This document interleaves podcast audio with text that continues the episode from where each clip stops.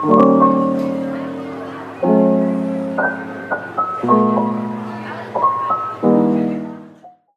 IE. Cie, curhat. Alhamdulillah akhirnya kelar UAS juga nih Bintan. Gimana? Ah, lega sih pas kalau dari aku pas UAS kemarin. Ternyata lumayan berat juga ya semester genap ini. Cuma setelah UAS tadi jadi lega. Ya emang susah-susah nggak sih yang kemarin? Iya. Lumayan, lumayan. Lumayan susah sih tapi alhamdulillah aku bisa adaptasi lah kalau yang susah gitu jadi emang harus dikejar banget tuh malam belajar tuh Tapi setelah UAS gini kalian kesibukannya pada ngapain nih setelah UAS? Dan lagi keadaan PPKM gini. kalau aku sendiri sih ini sih kemarin tuh kayak lagi sibuk banget sih ngurusin holiday gitu dan alhamdulillahnya holiday lancar sih Oh, kalau lu sendiri gimana Bim? Ah, kalau aku sih eh, akhir-akhir ini lagi sibuk eh, nge- nonton film aja sama kemarin juga ikut holiday seru banget itu acara holiday sama lagi nonton film-film yang belum sempet ditonton pas pandemi. Kalau pasnya ngapain pas setelah UAS? kalau kalau aku sama sih. Paling nonton film terus habis itu eh, kan aku ada kucing juga jadi kayak ngurus kucing ya lumayan repot lah jadi ya, banyak urusan Oke. Gitu. Tapi selain nonton film, aku eh, kemarin setelah UAS ini juga sama ini sih lihat-lihat eh, mata kuliah untuk semester depan biar tahu juga nih setelah ini mau ngambil mata kuliah apa. Jadi FRS-nya bakal lebih lebih enak jadinya nanti buat semester berikutnya. Nah ngomongin semester depan gini, oke kalau dari Pasya sama Irfan udah nyiapin apa nih buat FRS selanjutnya? Kalau aku sih udah nyiapin, aku udah tahu apa yang aku ambil sih buat semester depan. Matkul-matkulnya apa aja buat matkul pilihannya. Jadi ya udah siap lah. Pokoknya nggak ngambil SKS banyak-banyak lah, soalnya aku lumayan chaos tuh.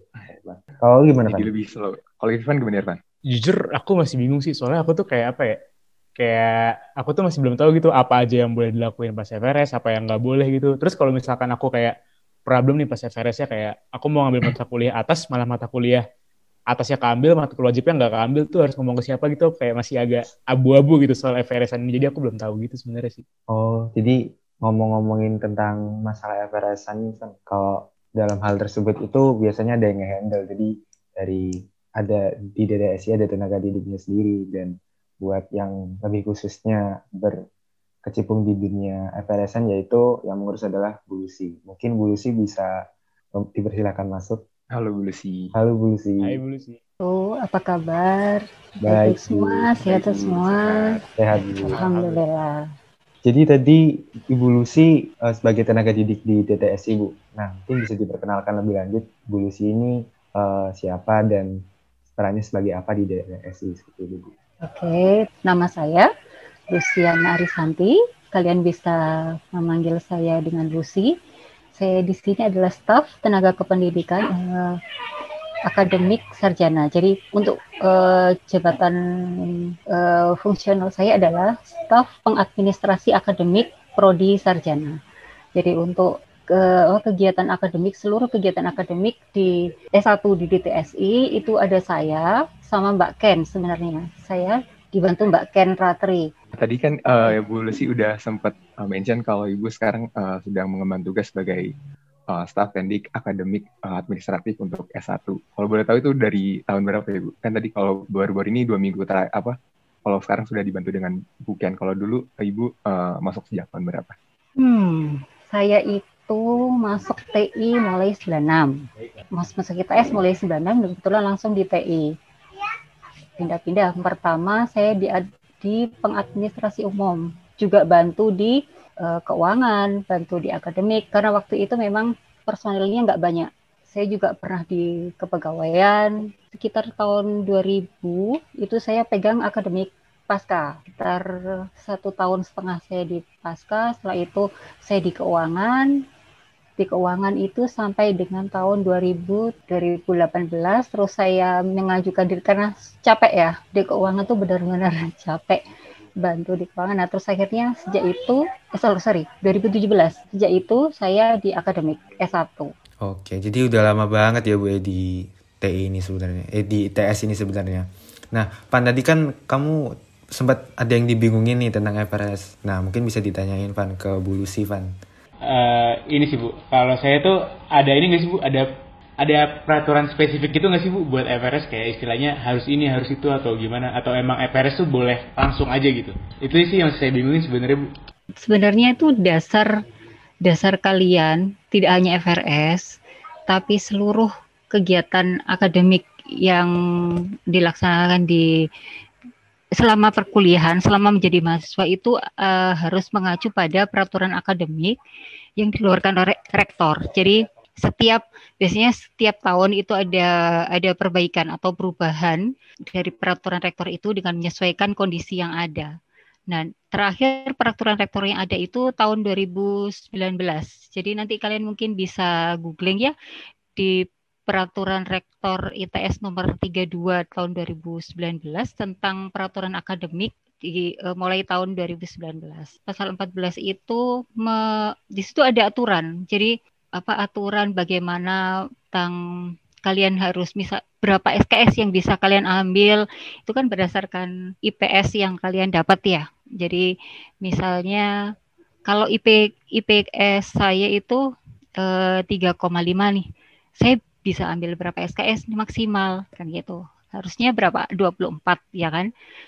Jadi IPK kurang dari dua setengah itu maksimum ambil 18 SKS, terus dua setengah sampai tiga itu maksimum 20 SKS, tiga IPS 3 sampai tiga setengah itu 22 SKS dan di, at, eh, di atas tiga setengah itu 24 SKS. Itu adalah beban maksimal yang bisa kalian ambil setiap semesternya.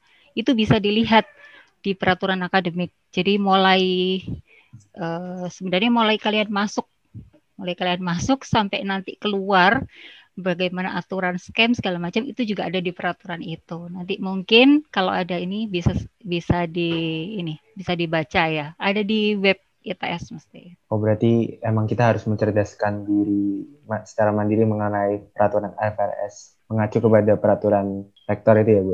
Nah, mm -hmm.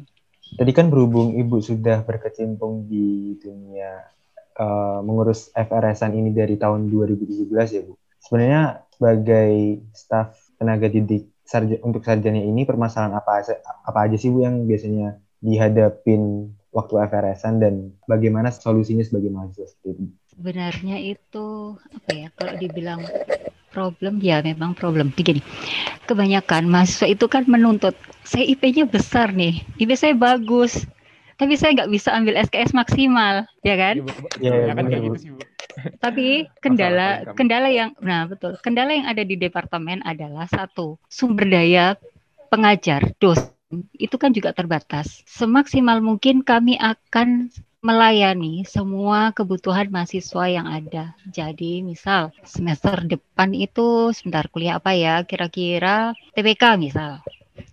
Teknik pengendalian kualitas teknik penjualan kualitas ini seharusnya itu kan e, kalau normal dengan jumlah mahasiswa yang ada saat ini kita itu bisa buka empat kelas itu dengan tiga re, e, untuk yang kelas reguler berbahasa Indonesia dan satu kelas berbahasa Inggris itu sudah cukup mestinya. Tetapi yang harus dipikirkan lagi adalah satu mahasiswa yang mengulang berapa banyak mahasiswa yang mengulang.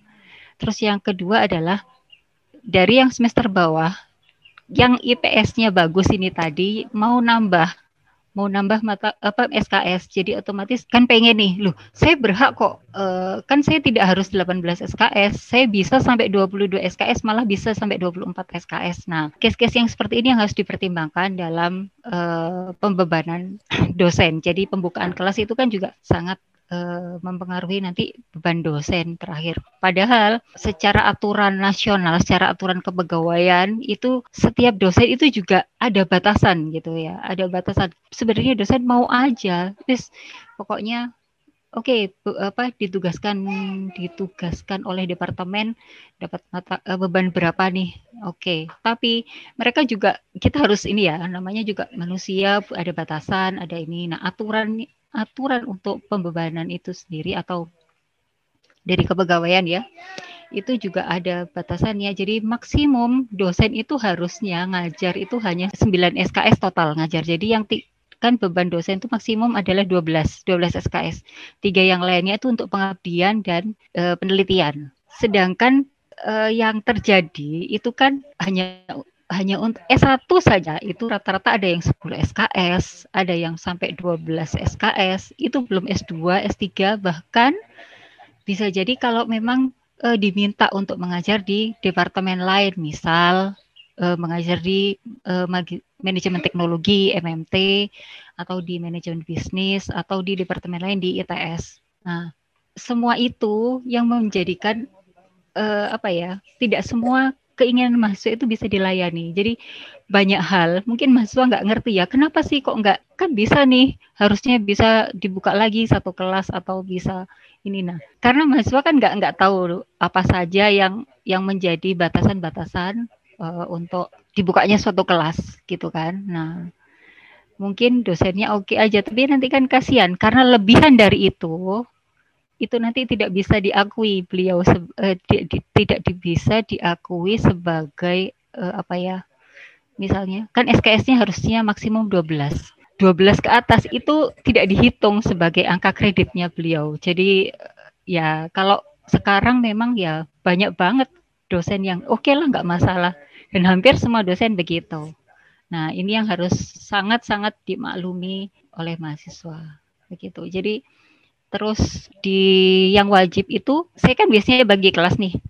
Ya kan? Pembagian kelas itu sudah berdasarkan saya akan lihat uh, eh, IPK.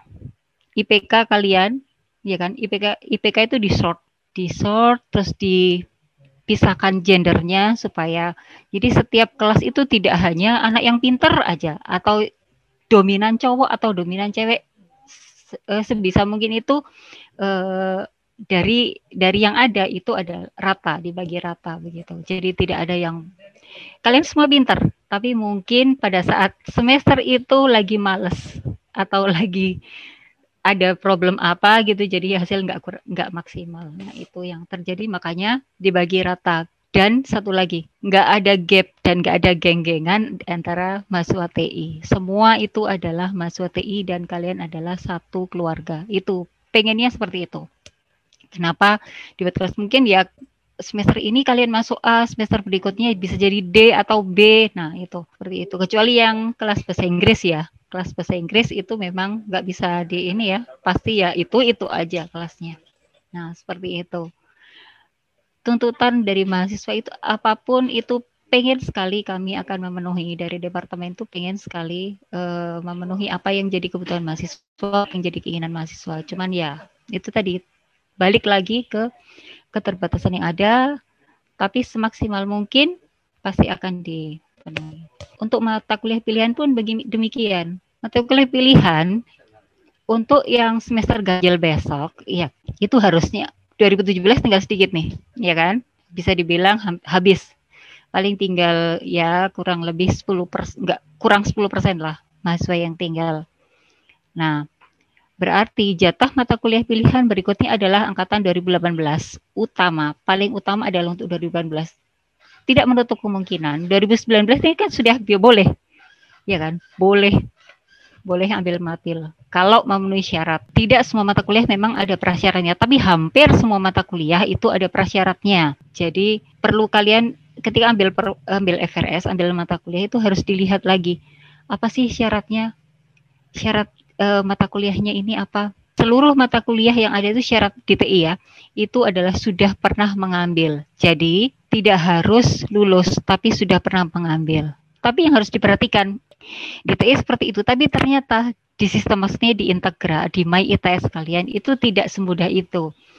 Jadi misalnya kalian, misalnya kalian mau ambil TPK, sedangkan statistik, statistik industri kalian SI2 dulu misalnya dapat C, atau BC lah gitu ya. Oke, BC. Kalian nggak puas kan dengan nilai BC? Saya pengen lebih baik. Saya ulang di semester depan. Loh, tapi kenapa kok akhirnya ketika ngambil eh, saya kalian masukkan SI2, akhirnya nggak bisa ngambil TPK di FRS itu karena kal kalian sendiri ya yang entry nggak bisa. Karena memang di sistem yang sekarang itu itu tidak bisa mengambil mata kuliah prasyarat dengan mata kuliah yang yang uh, misalnya TPK sama SI tadi itu kan uh, mata kuliah yang uh, eh, TPK mensyaratkan sudah sudah pernah ngambil SI. Nah, kalau diambil bareng dalam satu uh, satu semester itu nggak bisa gitu. Tapi kalau saya itu bisa di, jika dosen wali yang memasukkan. Jadi ketika kalian mau uh, ngambil mengulang SI 2 dan mau mengambil TPK Nah, itu salah satu itu bisa uh, meminta bantuan ke dosen wali untuk mengambilkan. Terus jangan uh, jangan ini dulu juga, jangan kaget juga ketika sudah diambil SI2-nya diambil lagi atau diulang di FRS, sekalian lihat nengok nilai kalian. Nilai daftar daftar nilai kalian di Integra atau di MyITS.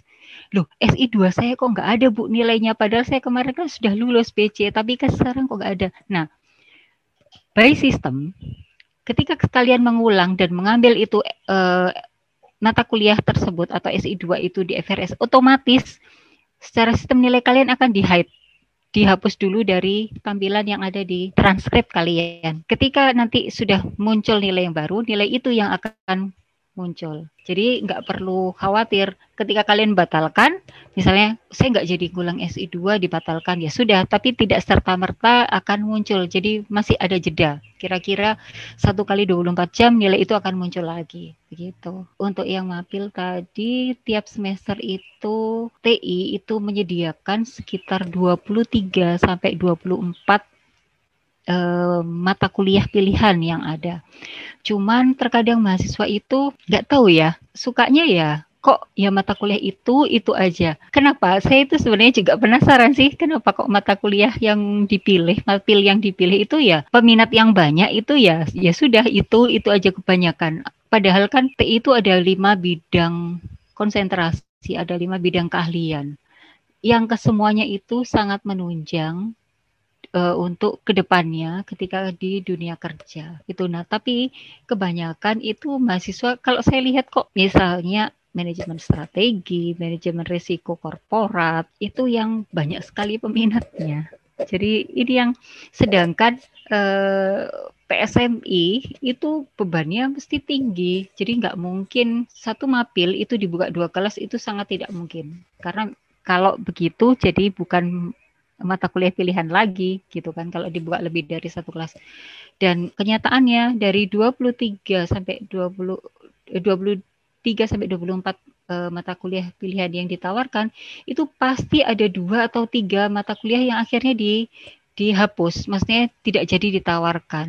Nah, ini yang mungkin saya himbau ke mahasiswa, silakan kalian coba cek lagi silabusnya, baca lagi silabusnya, baca lagi apa apa sih ini tentang apa? Mungkin kalian serem aja dulu lihat namanya gitu ya. Wah ini nggak asik nih, pasti ini nanti susah ini mata kuliahnya. Tapi eh, sekarang harus mulai berpikir fungsi atau ya fungsi ke depannya bagi kalian seperti apa begitu, seberapa manfaat untuk di dunia kerja itu pasti ada. Curhat IE. Cie, curhat.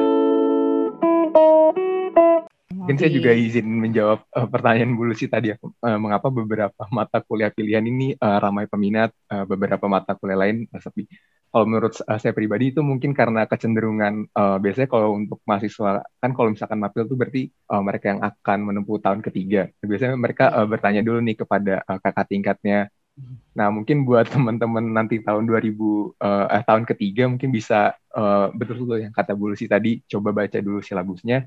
Karena saya pribadi juga kemarin uh, mata kuliah pilihan saya dalam mata kuliah pilihan yang saya baca sendiri silabusnya uh, namanya mata kuliah sistem dinamik itu cukup uh, sepi juga kemarin itu kalau nggak salah pesertanya sebanyak enam orang bu. Nah kan. Tapi setelah, setelah dipelajari juga menyenangkan karena saya juga sudah uh, mengkaji silabusnya. Mungkin saya juga mau bertanya lagi bu Lucy. Uh, tadi udah sempat disinggung juga uh, terkait pembagian kelas, terkait pemilihan mapil, terkait mata kuliah yang uh, mahasiswa yang memiliki jatah uh, kredit uh, cukup besar karena IPK-nya bagus. Uh, pastinya kalau misalkan dari angkatan saya saja, uh, permasalahan yang sering terjadi adalah uh, mereka yang memilih kelas di luar kelas plottingannya, mereka yang memilih uh, mata kuliah pilihan yang uh, peminatnya cukup banyak sehingga tidak berkesempatan uh, mungkin kalau boleh uh, dikesampingkan uh, jabatan ibu sebagai staf akademik, uh, bagaimana perasaan seorang ibu Luciana Arisanti ketika mendapat komplain-komplain yang banyak tadi bu. Mas. mungkin bisa diceritain juga bu apa uh, cerita-cerita menarik nih selama hmm. dapat komplain. Beneran. Jadi artinya uh, apa di awal itu pasti gemes ya. Karena gini, kalau misalnya kelas kalian nggak ambil kelas sesuai dengan pembagian akhirnya di akhir perwalian ini saya yang harus kerja keras kan? Ngembaliin lagi ke kelas semula.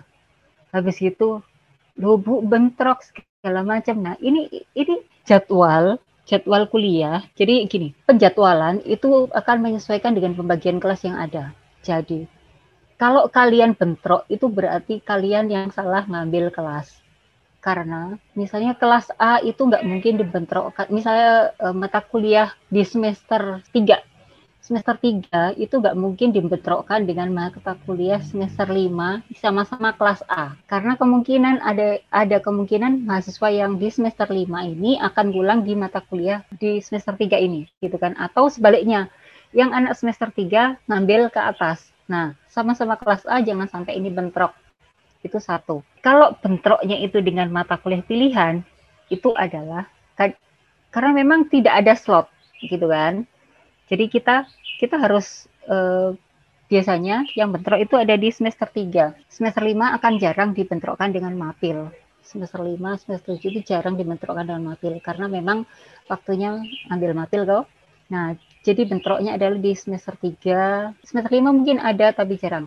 Karena semester lima pas semester lima bentuk ini jadi pilihan, ya kan benar-benar pilihan. Kan tidak semua uh, semester mata kuliah wajib semester lima ini bentrok dengan mapil. Jadi silakan memilih gitu maksudnya. Kelas itu kan kadang kelas A dan B itu ada di jam 9, Senin jam 9. Terus C, D, Q itu ada di jam 1 misal atau setengah 2. Nah, seperti itu kan e, memang bukan sengaja, tapi memang karena keterbatasan waktu dan slot yang ada, dan satu, jadwal kuliah itu juga memperhatikan jadwalnya dosen. Jadi dosen kita itu kan banyak sekali yang menjadi pejabat di ITS gitu kan.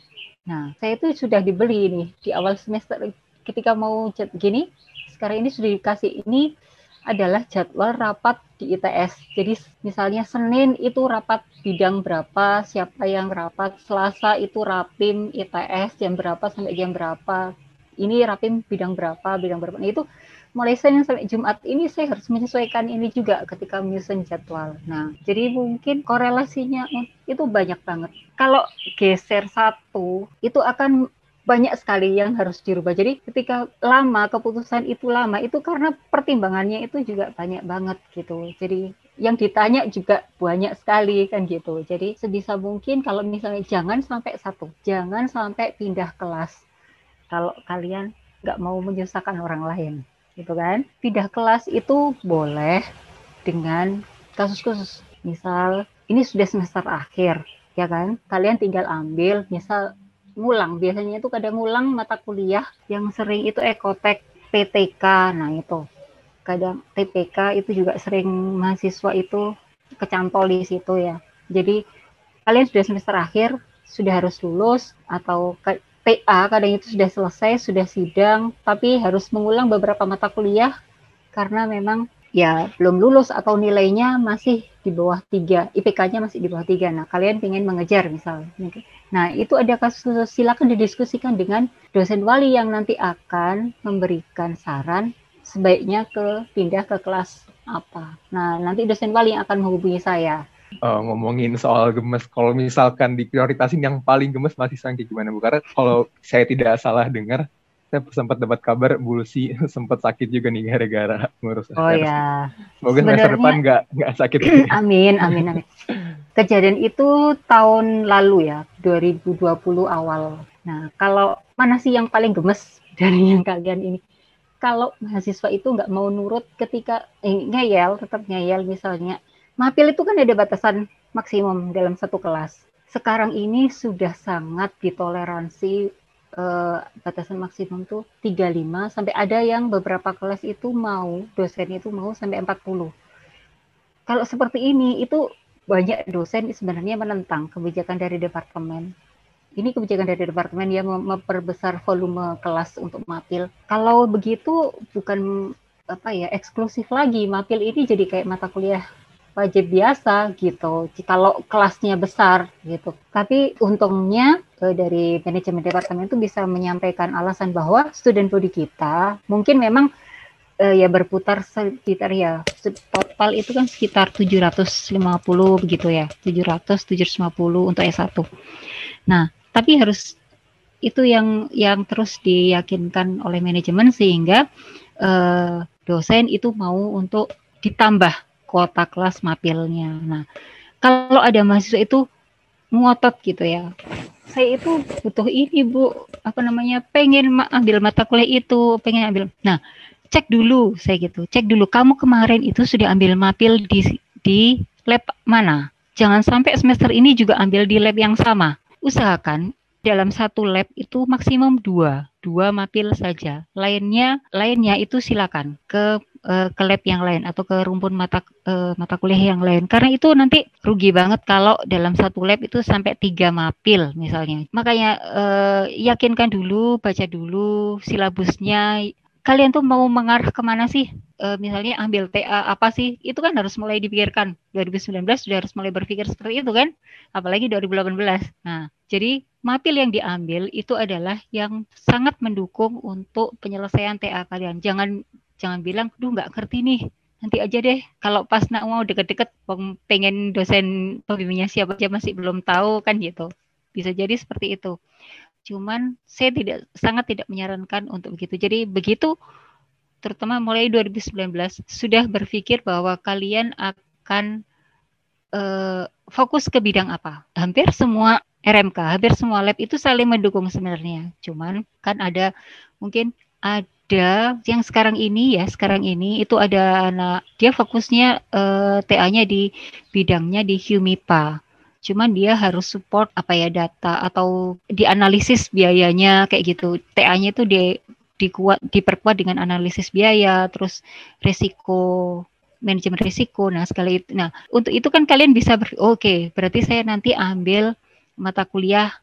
A, mata kuliah B, Pokoknya saran saya mapil dalam satu lab itu maksimum dua. Tapi jangan jangan terus diambil semua satu satu satu satu tiap lab itu juga nggak bagus. Jadi karena kalian kan nggak fokus gitu akhirnya gitu. Dan itu sangat tidak disarankan untuk ngambil uh, tiap lab satu satu satu itu juga nggak nggak sangat tidak disarankan gitu. Apalagi sekarang ada pengayaan pengayaan itu kan juga jangan asal oh di sana itu enak nih dosennya enak nilainya gampang tugasnya sedikit terus nah itu uh, akan sayang gitu loh. Kalau menurut saya sayang banget karena nanti ilmunya juga kalian dapatnya cuma setengah-setengah gitu. Oke, dari tadi kan Bu Lucy udah sempat membahas kayak ya gimana suka dukanya di DTSI udah sampai sakit juga kan uh, tahun lalu.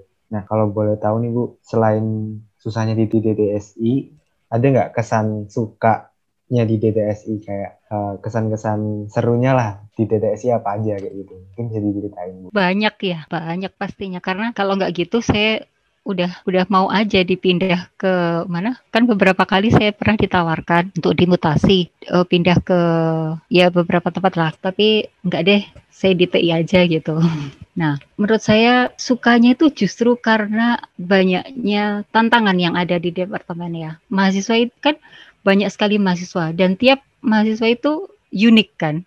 Unik. Jadi kalau menurut saya unik karena bagaimana kita handling mahasiswa itu kan customer. Bagi saya customer kan. Bagaimana saya menghandling customer supaya mereka itu puas supaya mereka itu juga menghargai apa yang kita uh, berikan ketika mahasiswa itu balik menghargai apa yang sudah saya berikan nah itu di situ ada kepuasan tersendiri bagi saya terus melihat ketika lulus mereka lulus terus dapat kerjaan yang bagus, dapat posisi yang bagus, oh itu bangga banget gitu kan. Jadi beda kalau misalnya saya ditempatkan di unit yang bukan di departemen, yang diurusin kan beda gitu ya. Jadi melulu urusan administrasi kantor nggak nggak ini ya. Nah itu kurang asik gitu ya saya. Meskipun di departemen tuh kalau misalnya ya ngapain di departemen terus kalau kalau misalnya saya ke unit itu secara karir sebenarnya saya lebih cepat untuk berkembang dibandingkan di departemen. Tapi ya inilah pilihan. Oke, baik Bu. Tadi kan kita udah dengar kayak kesan Ibu nih. Sekarang ini nih Bu. Uh, tadi kan Ibu sempat cerita kadang-kadang tuh kalau mahasiswa ngeyel segala macam gitu kan ya Bu ya. Ibu ada pesan nggak buat mahasiswa terkait FRS atau bebas sih terkait apa aja nggak harus FRS sebenarnya? Sebenarnya begini, terutama uh, di kondisi uh, yang sekarang ini di pandemik di WFH ini ya saya kan full WFH nih WFH ini menurut saya eh, jam kerja ini jadi kacau begitu kan jam kerja itu jadi kacau nggak ngerti ini libur atau sudah uh, overtime segala macam itu itu yang kadang tidak dimengerti oleh mahasiswa. Saya juga butuh istirahat kan gitu. Tapi uh, saya itu bukan bukan saya me, apa ya bukan saya memuji diri sendiri tapi tipikal saya itu memang nggak nggak bisa kadang dengan terpaksa banget gitu ya akan saya abaikan WA WA yang masuk itu saya cuma lihat udah biarin biarin biarin ya, kayak udah memaksa diri banget untuk mengacuhkan itu semua dan itu harus saya lakukan benar-benar harus saya lakukan. Jadi mungkin kalau ada yang WA-nya nggak saya baca, itu ada dua hal. Satu, tenggelam. WA itu tenggelam karena WA di saya bukan ini cepet banget karena kalian satu orang WA berapa mahasiswa itu WA. Nah itu satu tenggelam. Yang kedua memang sengaja saya postpone gitu. Dan ketika saya postpone terus akhirnya saya lupa ya mohon maaf begitu ya. Nah ini yang yang saya tekankan. Tolong uh, hargai baik tidak cuma ke saya, mungkin ke teman-teman tendik yang lain itu juga begitu. Jadi kami juga manusia biasa, punya keterbatasan waktu, punya keterbatasan tenaga. Jika sebisa pengen menghubungi atau pengen kontak, sebisa mungkin itu di hari dan jam kerja, gitu. Jadi e, meskipun begitu, terus terang ya, terus terang ketika masa ujian TA ini berlangsung, Sabtu Minggu itu saya nggak pernah berhenti e, karena harus mau nggak mau jadwal harus rilis maksimum minggu harus rilis untuk berikutnya. Nah, jadi Sabtu ketika saya menghubungi dosen untuk minta beliau-beliau itu muji tidak langsung serta merta dijawab atau direspon. Ini yang bikin lama. Jadi kadang mahasiswa kan kadang ngerti kok nggak keluar-keluar sih jadwalnya gitu kan misalnya itu sama juga dengan uh, kayak jadwal kuliah atau apa saya harus konfirmasi ketika ada perubahan saya harus konfirmasi nih ke dosen nah ketika ini enggak lama itu karena semua itu kan konfirmasi. Nah seperti itu. Jadi tolong bersabar harap maklum itu yang kami minta.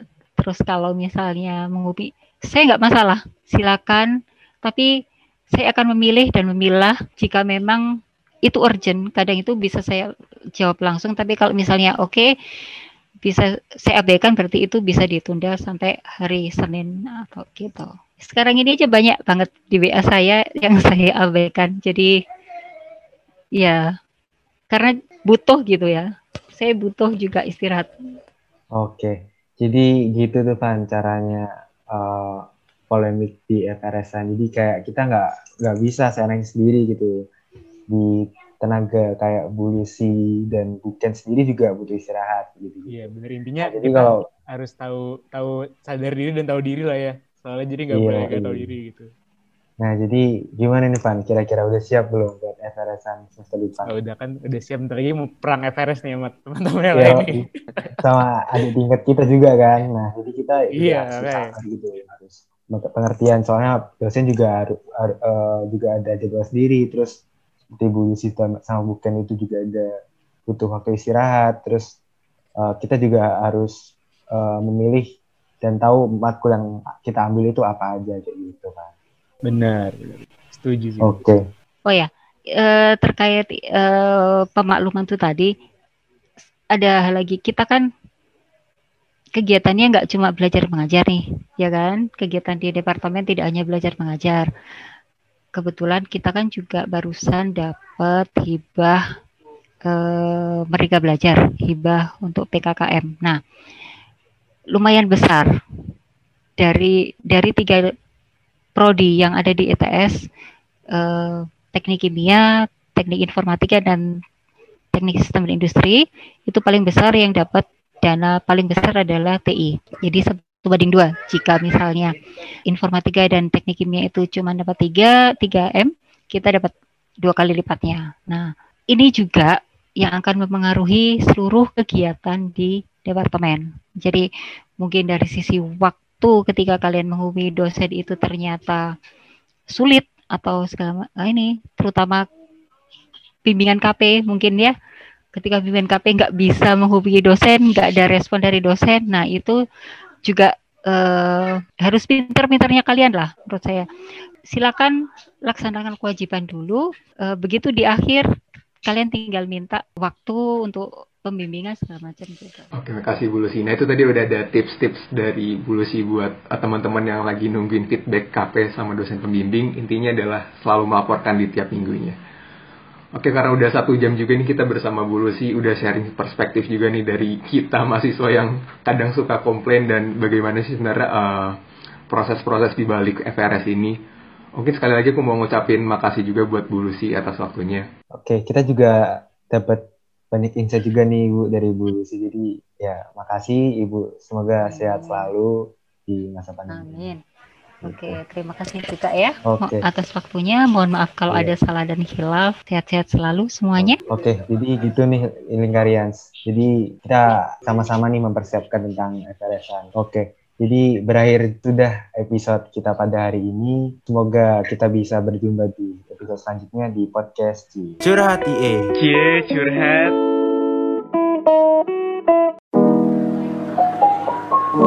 Thank you for listening to our podcast. Don't forget to follow our social media and see you on the next podcast.